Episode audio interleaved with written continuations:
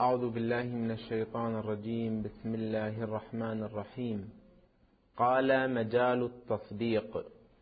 للتصديق مجال واحد فقط هو النسبة في الجملة الخبرية.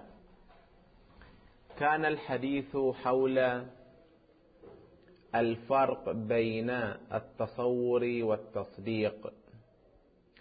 وذكرنا بأن الذي ينقسم إلى تصور وإلى تصديق هو العلم الحصولي دون العلم الحضوري. وحاصل الفرق بين العلم عفوا وحاصل الفرق بين التصور والتصديق أن التصور مجرد حصول الصورة في الذهن من دون أن يستتبعها حكم. بينما التصديق هو حصول الصورة الشيء في الذهن مع وجود حكم. بقي الكلام في نقطتين. النقطة الأولى موارد التصور ومورد التصديق ما هو؟ النقطة الثانية أقسام العلم إلى ضروري وإلى نظري. أما فيما يرتبط بالنقطة الأولى فنقول ما هو مورد التصديق وما هو مورد التصور؟ وبعبارة المصنف ما هو مجال التصور وما هو مجال التصديق؟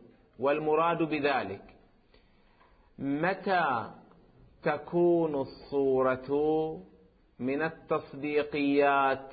ومتى تكون الصورة الحاصلة في الذهن من التصورات؟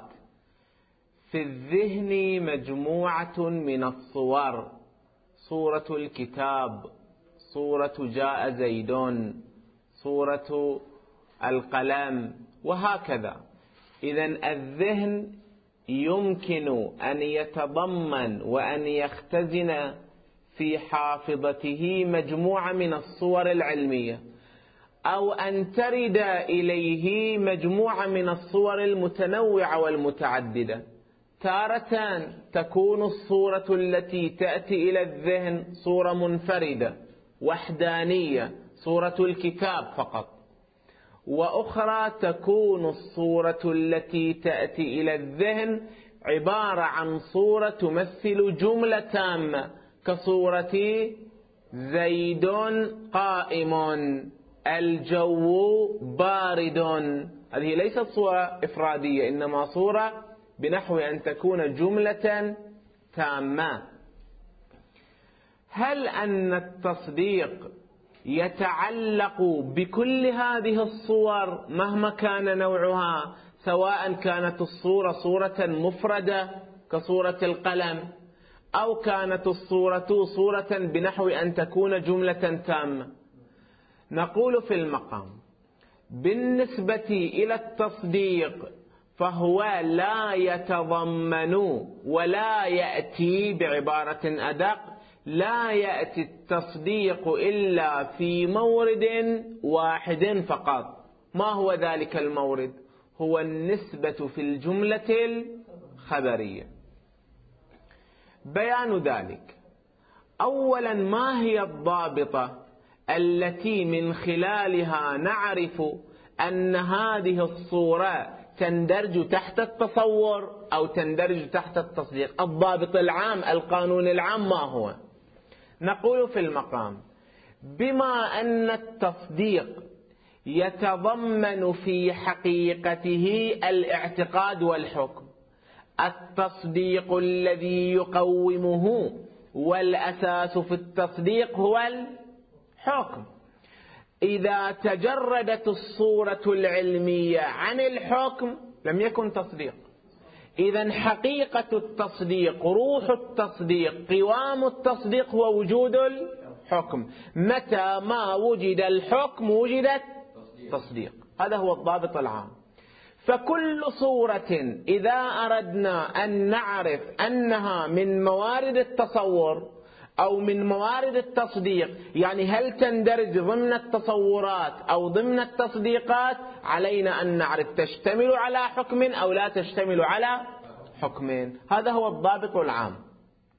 بناء على ذلك نقول لما كانت المفردات لا تتضمن حكما إذا هي خارجة عن دائرة التصديقات. صورة الشجرة في ذهني. نظرت إلى شجرة في الخارج فارتسمت صورتها في ذهني. صورة الشجرة لم أتوجه إليها بحكم. في المقام تكون صورة الشجرة خارجة عن دائرة التصديقات. إذا التصديق لا يكون إلا في المورد الذي يتضمن الحكم. ولو بحثنا عن المورد الذي يتضمن الحكم ويتضمن الاعتقاد والإذعان أي إذعان النفس بتحقق الشيء أو عدم تحققه لم نجد إلا النسبة في الجملة الخبرية. ما معنى النسبة في الجملة الخبرية؟ سنقف لاحقا أن الجملة على قسمين. جملة خبرية وجملة إنشائية. والفرق بينهما أن الجملة الخبرية هي التي تحتمل الصدق وتحتمل الكذب. مثلا إذا قيل زيد قائم هذه جملة خبرية يقال لقائلها صادق إن كان فعلا في الواقع هو قائم. ويقال كاذب إن لم يكن في الواقع هو قائم. إذا هذه الجملة تحتمل الصدق وتحتمل الكذب. عندنا بعض الجمل لا تحتمل صدقا ولا تحتمل كذبا. نظير إذا قلت لأحدكم اذهب إلى المدرسة. لا يقال لقائل هذه الجملة أنت كاذب أو أنت صادق. أنا لم أخبرك بشيء حتى يقال أنا صادق أو أنا كاذب. أنا وجهت إليك أمران. اذهب إلى المدرسة أو كل الطعام أو إذا قلت إلهي اغفر لي الدعاء. هذه الجمل الإنشائية كالاستفهام كالطلب كالدعاء. لا تحتمل وصف الصدق أو وصف الكذب. إذا كل جملة كانت تتصف بالصدق ويحتمل أن تتصف بالكذب يعبر عنها بالجملة الخبرية. ولهذا كل خبر إما أن يكون كاذب وإما أن يكون صادق بينما الجمل التي لا تحتمل أن تكون صادقة ولا تحتمل وصف الكذب يعبرها بالجملة الإنشائية. الجملة الإنشائية والجملة الخبرية تشتركان في نقطة واحدة. وتفترق كل منهما عن الأخرى في نقطة. مورد الافتراق وجه الافتراق ما هو؟ أن الجملة الخبرية تحتمل الصدق والكذب والجملة الإنشائية لا تحتمل الصدق ولا الكذب. هذا نقطة الافتراق. نقطة الالتقاء ما هو؟ ما هي؟ نقول في كل من الجملتين لا بد من وجود نسبة. ما معنى النسبة؟ يعني الجملة الإنشائية فيها نسبة الجملة الخبرية أيضا تتضمن نسبة. ما معنى النسبة؟ لاحظ معي. النسبة هي الرابط الذي يربط بين مفردات الكلمة لتتكون الجملة. لأن ليس الجملة إلا عبارة عن مجموعة من المفردات مجموعة من الكلمات. لولا هذه النسبة لولا هذا الرابط لما تحققت الجملة. مثلا عندي كلمة جاء. وعندي كلمة أخرى محمد. لولا ربط جاء بمحمد لما تكونت جملة جاء محمد. عندي مجموعة من المفردات محمد قلم شجر نائم واقف يأكل يشرب. هذه مجموعة من المفردات. هذه حتى أكون منها جملة تامة جملة مفيدة لابد أن أربط بعضها. بالبعض الآخر. أقول محمد نبي صلى الله عليه وآله وسلم. علي إمام. إذا علي لوحده ككلمة. وإمام لوحده لا تشكل لنا علي إمام. بل لابد أن أربط الإمامة بعلي. وأن أسند الإمامة إلى علي فعلي هو المسند إليه. أسندت إليه من؟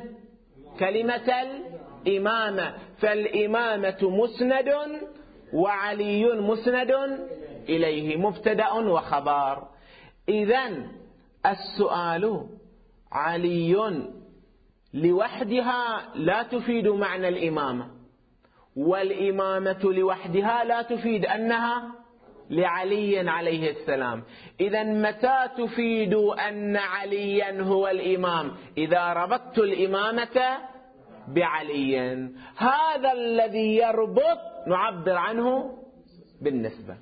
إذا تستطيع أن تقول أن المراد من النسبة هو هو الرابط الذي يربط الكلمات ليكون لنا الجملة التامة. حتى النسبة حتى الجملة الإنشائية تحتاج إلى نسبة. لأنه إذا قلت اضرب بعصاك البحر أو إذا قلت اذهب إلى المدرسة من الواضح أنها مجموعة كلمات اذهب وحرف الجر إلى والاسم وهو الكلمة. فعل واسم وحرف هذه متناثرة لا تفيد معنى طلب الذهاب إلى المدرسة. إذا لا بد من وجود رابط لا بد من وجود نسبة بين هذه الكلمات لتفيد معنى طلب الذهاب إلى المدرسة. إذا الجملة سواء كانت خبرية سواء سواء كانت خبرية أو كانت إنشائية تحتاج إلى نسبتين ولهذا نقول نسبة في الجملة الخبرية ونسبة في الجملة الإنشائية. النسبة في الجملة الخبرية يحتمل معها الصدق والكذب أما النسبة في الجملة الإنشائية لا يحتمل معها الصدق ولا الكذب. هنا نقول في المقام إذا جئنا إلى النسبة في الجملة الخبرية كقولنا محمد مجتهد. هذه الجملة الخبرية تندرج تحت التصديق أم لا؟ قلنا نحن الضابط ما هو؟ كل جملة تضمنت حكما تضمنت اعتقادا فهي من موارد التصديق. ومن الواضح أن قولنا محمد نبي يوجد حكم في هذه الجملة حيث أسندنا النبوة إلى إلى محمد. وليس الحكم إلا عملية إسناد شيء إلى شيء آخر. إسناد الخبر إلى المبتدأ. إسناد المحمول وهو نبي إلى الموضوع وهو محمد. أو قل إسناد المسند إليه إلى المسند. إذا نقول في المقام لما كانت النسبة في الجملة الخبرية تتضمن حكما فهي مندرجة تحت مورد التصديق. بينما إذا جئنا إلى مورد التصور دائرة التصور ما هي الموارد التي تندرج فيها؟ نقول كل شيء كل شيء يندرج تحت التصورات. وبعبارة أوضح. كل صورة علمية موجودة في الذهن فهي من عالم التصورات. لأنه حتى النسبة في الجملة الخبرية قلنا بأن التصديق فرع التصور. لا يمكن أن يتحقق تصديق من دون أن يسبقه تصور. التصور التصديق عفوا فرع التصور. إذا الجملة الخبرية لا بد من تصورها. أن تتصور محمد أن تتصور النبوة فيحدث جملة محمد نبي. المفردات من التصورات وليست من التصديقات. صورة الشجرة هذا تصور وليس تصديق. صورة الكتاب صورة القلم. معنى إله وهو الانتهاء. معنى من وهو الابتداء. هذه من التصورات وليس من التصديقات لأنها لا تتضمن حكما. إذا كل صورة علمية سواء كانت تشتمل على حكم أو لا تشتمل على حكم فيمكن أن تندرج تحت تصورات تشتمل على حكمين كالجملة الخبرية لا تشتمل على حكمين. نظير ماذا؟ أولا المفردات سواء كان المفرد اسم كعلي كمحمد ككتاب كقمر كشمس أو كان حرفا كإلى كمن أو كان فعلا كضرب كأكل كشرب. هذا واحد. ثانيا الجمل الناقصة التي لا تفيد معنى تام. نظير إذا قلت إن جاء زيد. وتسكت.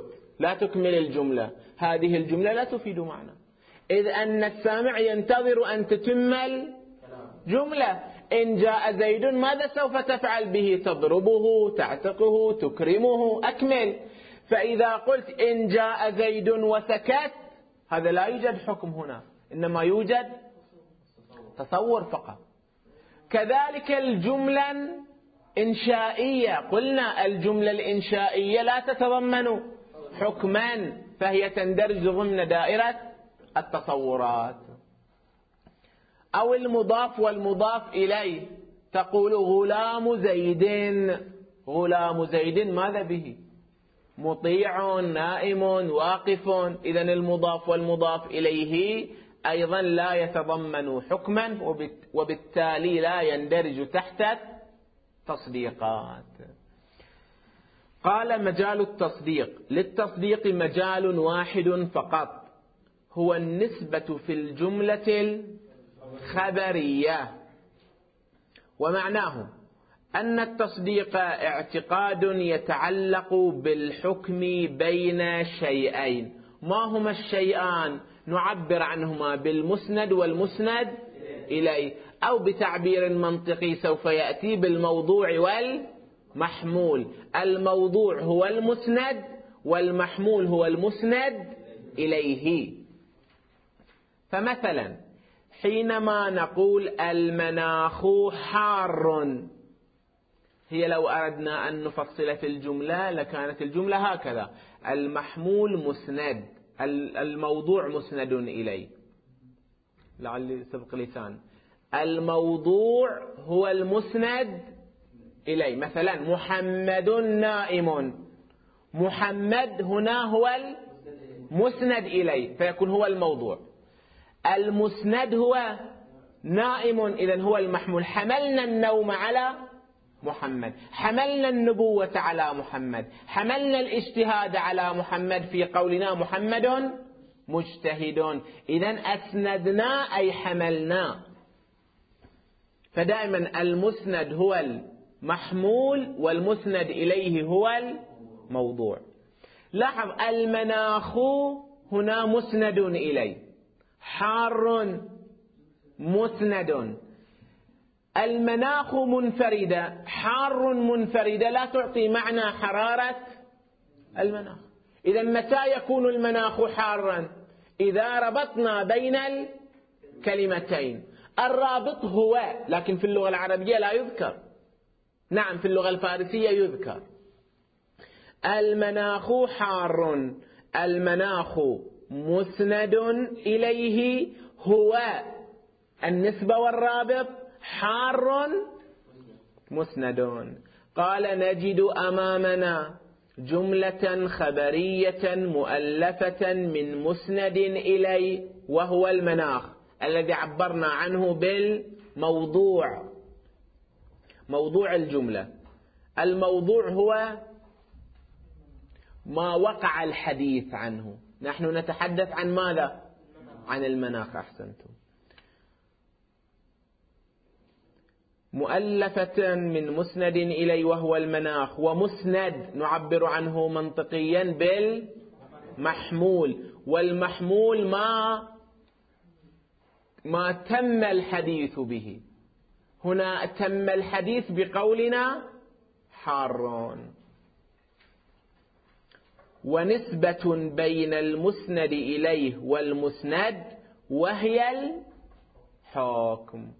على المناخ بأنه حار اعتقادنا بصحة هذا الحكم أو عدم صحته هو التصديق لأن الحكم هو الاعتقاد والإذعان بوقوع الشيء وتحققه أو عدم وقوعه.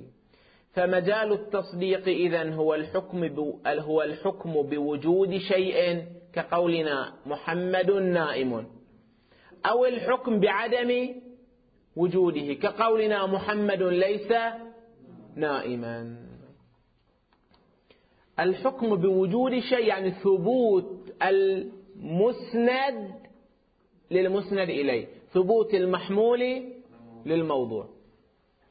أو الحكم بعدم وجوده سلب المحمول عن إذا قلنا محمد ليس بكاتب يعني سلبنا الكتابة عن محمد.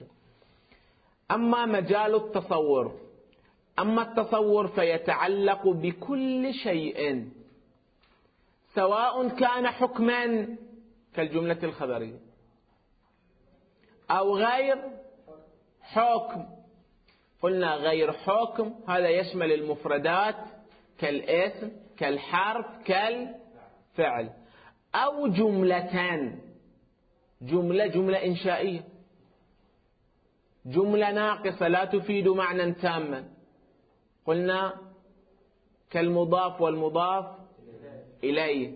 في قولنا غلام زيدين. هذا فيما يرتبط بالنقطة الأولى. أما النقطة الثانية التصور والتصديق ينقسم إلى ضروري وإلى نظري. ما هو الضروري؟ يقال هذا علم ضروري وهذا علم نظري. الضروري هو البديهي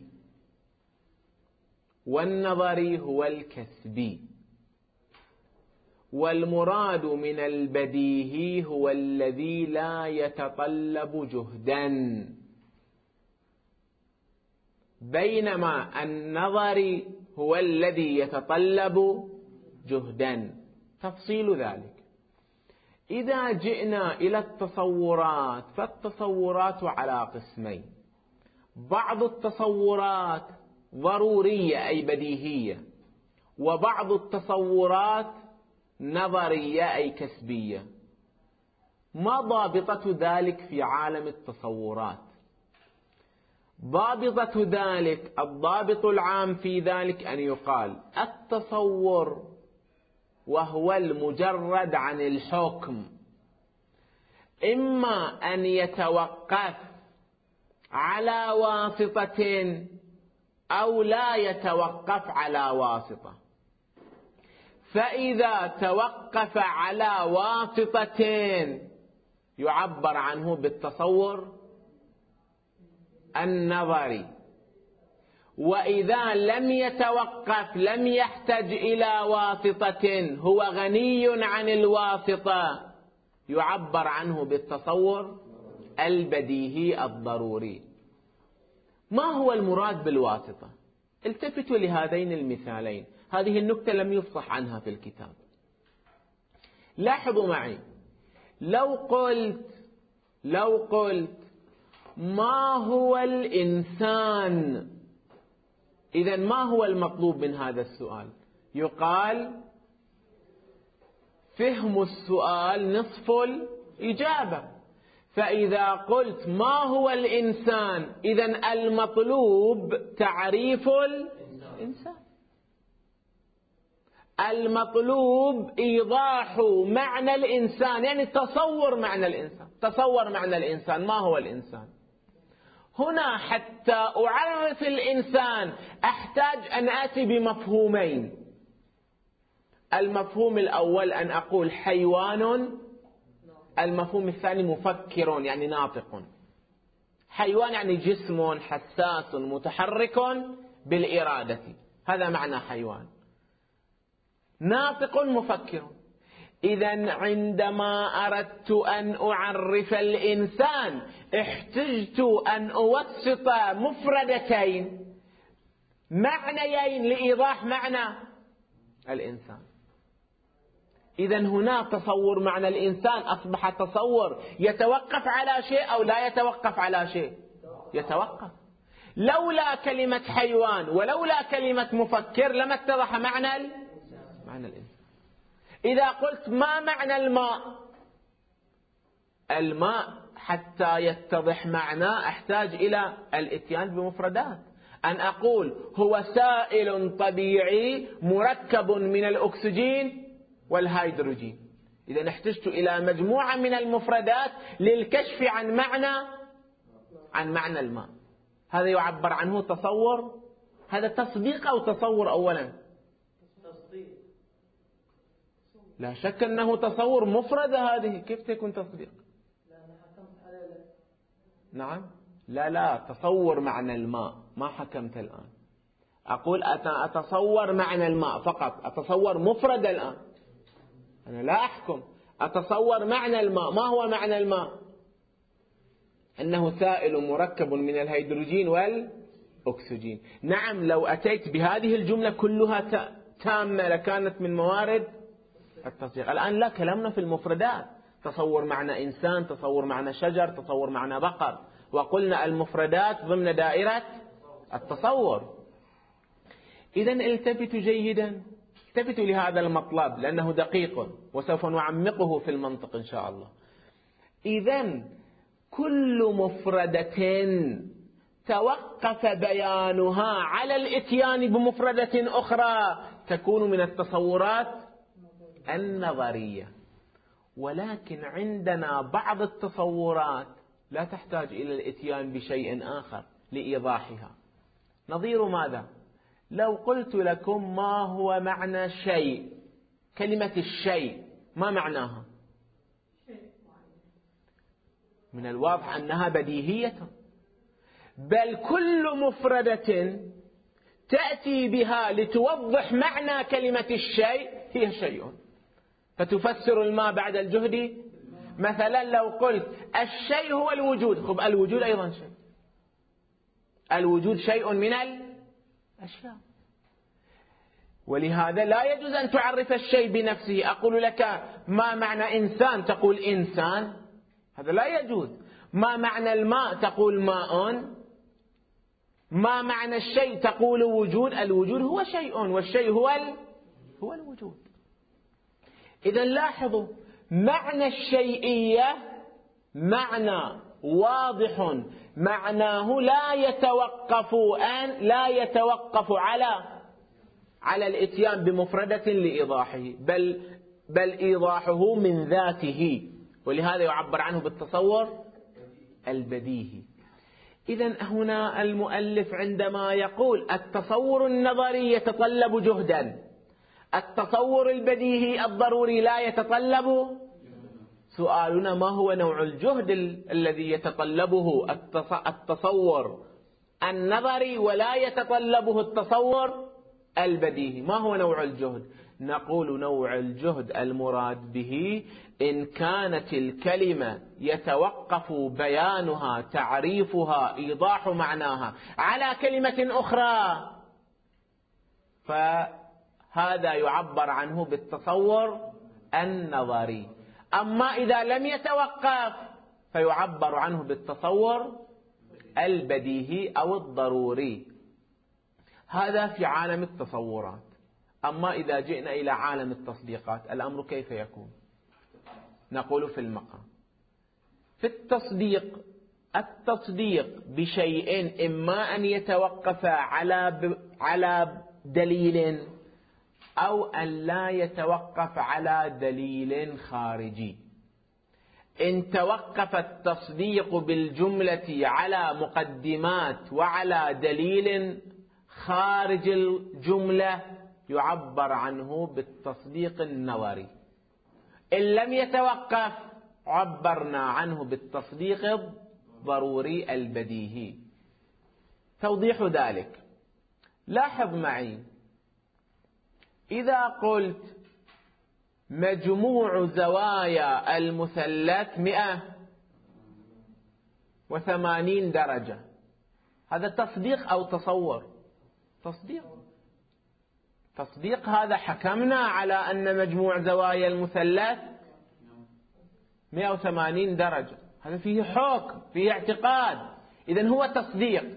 لكن التصديق بهذه القضية يتطلب دليل أو لا يتطلب دليل؟ يتطلب دليل برهان هندسي. إذا هذا التصديق يعبر عنه بالتصديق النظري لأنه يتطلب برهانا يتطلب جهدا يتطلب دليلا. لكن إذا جئنا وقلنا اجتماع النقيضين محال هذا تصور أو تصديق؟ تصديق. حكمنا بالاستحالة على على الجمع بين النقيضين. يستحيل اجتماع وجود وعدم في وقت زيد موجود زيد معدوم في آن واحد. هذا مستحيل. إذا اجتماع النقيضين محال. هذا تصديق. ولكنه هذا التصديق يتطلب برهانا خارجيا أو أنه يكفي أن تتصور معنى اجتماع النقيضين لتحكم بالاستحالة. يكفي. يكفي أن أتصور معنى اجتماع النقيضين ليتوجه العقل ويحكم بالاستحالة إذا هنا الدليل ليس ليس خارجيا إنما من داخل الجملة. مثال آخر. إذا قلت الكل أعظم من الجزء هذا تصديق أو تصور؟ تصديق. الكل أعظم من الجزء. هنا هذا يحتاج إلى دليل خارجي. لا. بمجرد أن أتصور معنى الكل بمجرد أن أتصور معنى الجزء يذعن العقل ويصدق بأن الكل أعظم إذا لاحظوا العقل لم يخرج عن دائرة هذه القضية وهي الكل أعظم من الجزء. أما إذا قلت مثلا مجموع زوايا المثلث 180 درجة العقل مهما فكر في نفس هذه القضية لابد أن يبرهن عليها ببرهان خارجي. يأتي بالمثلث يأتي بالفرجال ليثبت بأن مجموع زوايا المثلث تساوي زاويتين قائمتين. إذا لا بد من البرهان. إذا لاحظوا التصديق البديهي التصديق الضروري هو الذي لا يتوقف لا يتوقف الاعتقاد على مقدمة وعلى دليل خارجي. بينما النظري هو الذي يتوقف على دليل خارجي. إذا تصورات الإنسان إما بديهية إما نظرية. تصديقات الإنسان إما بديهية إما نظرية. قال تقسيم التصور والتصديق. ينقسم كل من التصور والتصديق إلى قسمين. هما الضروري ويرادف البديهي والنظري ويرادفه الكسبي يعني يحتاج إلى كسب. إلى تحصيل إلى جهد. الضروري هو إدراك والإدراك بمعنى العلم. هو الإدراك البديهي الذي لا يتطلب تفكيرا والنظري هو الإدراك غير البديهي والذي يتطلب تفكيرا. أمثلة التصور الضروري كتصورنا معنى الشيء. وتصورنا معنى الوجود. وقلنا التصور الضروري البديهي هو التصور الذي لا يتوقف على مفهوم آخر لإيضاحه. التصور النظري هو الذي يتوقف إيضاحه على مفهوم آخر. كتصورنا حقيقة الكهرباء وحقيقة الروح. جيم التصديق الضروري. كتصديقنا بأن الواحد نصف الاثنين والكل أعظم من الجزء واستحالة اجتماع نقيضين أو استحالة ارتفاع نقيضين. وهو الذي يتوقف التصديق على مقدمات وعلى دليل خارجي. التصديق النظري كتصديقنا بأن الأرض متحركة. هذا يتوقف الاعتقاد على دليل كتصديقنا بأن الأرض متحركة وتصديقنا بأن زوايا المثلث تساوي زاويتين قائمتين. بقيت نقطة أخيرة في هذا المطلب وهو وهي بيان العلاقة بين التصورات والنظريات. عفوا بين الضروريات والنظريات. ما هي طبيعة العلاقة بين الضروري سواء كان من التصورات أو التصديقات وبين النظري بين الضروري وبين النظري. هنا قاعدة أو هنا آية تذكر في المنطق وتذكر في الفلسفة. يقال كل نظر مرجعه إلى إلى ضروري. كل نظري لا بد أن يرجع إلى ضروري. إذا من هذه القاعدة نستطيع أن نكتشف العلاقة بين الضروري وبين النظري وهي علاقة الكسب أن النظريات تكتسب من الضروريات من البديهيات. أعيد العبارة. أن النظريات تكتسب وتحصل من البديهيات من الضروريات لماذا؟ لأن النظري هو الذي يحتاج إلى كسب يحتاج إلى دليل نسأل لو كانت عندنا قضية نظرية كقولنا نظرية أقول كقولنا مجموع زوايا المثلث تساوي زاويتين قائمتين. هذه قضية نظرية تحتاج إلى كسب تحتاج إلى دليل. ما هو دليلها؟ إن قلت بأن دليلها هو أيضا نظري إذا ذاك النظري أيضا يحتاج إلى إلى كسب إلى دليل. دليله جيم. جيم أيضا نظري إذا يحتاج إلى إلى كسب. إذا حتى تقف السلسلة لا بد أن نقف على على بديهي على ضروري حتى تقف السلسلة. فإذا قلت ألف نظري إذا ما هو دليله؟ باء. باء نظري إذا ما هو دليله؟ لأن كل نظري يحتاج إلى إلى دليل. إذا دليله جيم. جيم نظري إذا يحتاج إلى دليل. دليله دال. وهكذا. فيلزم سلسلة هذه القضية.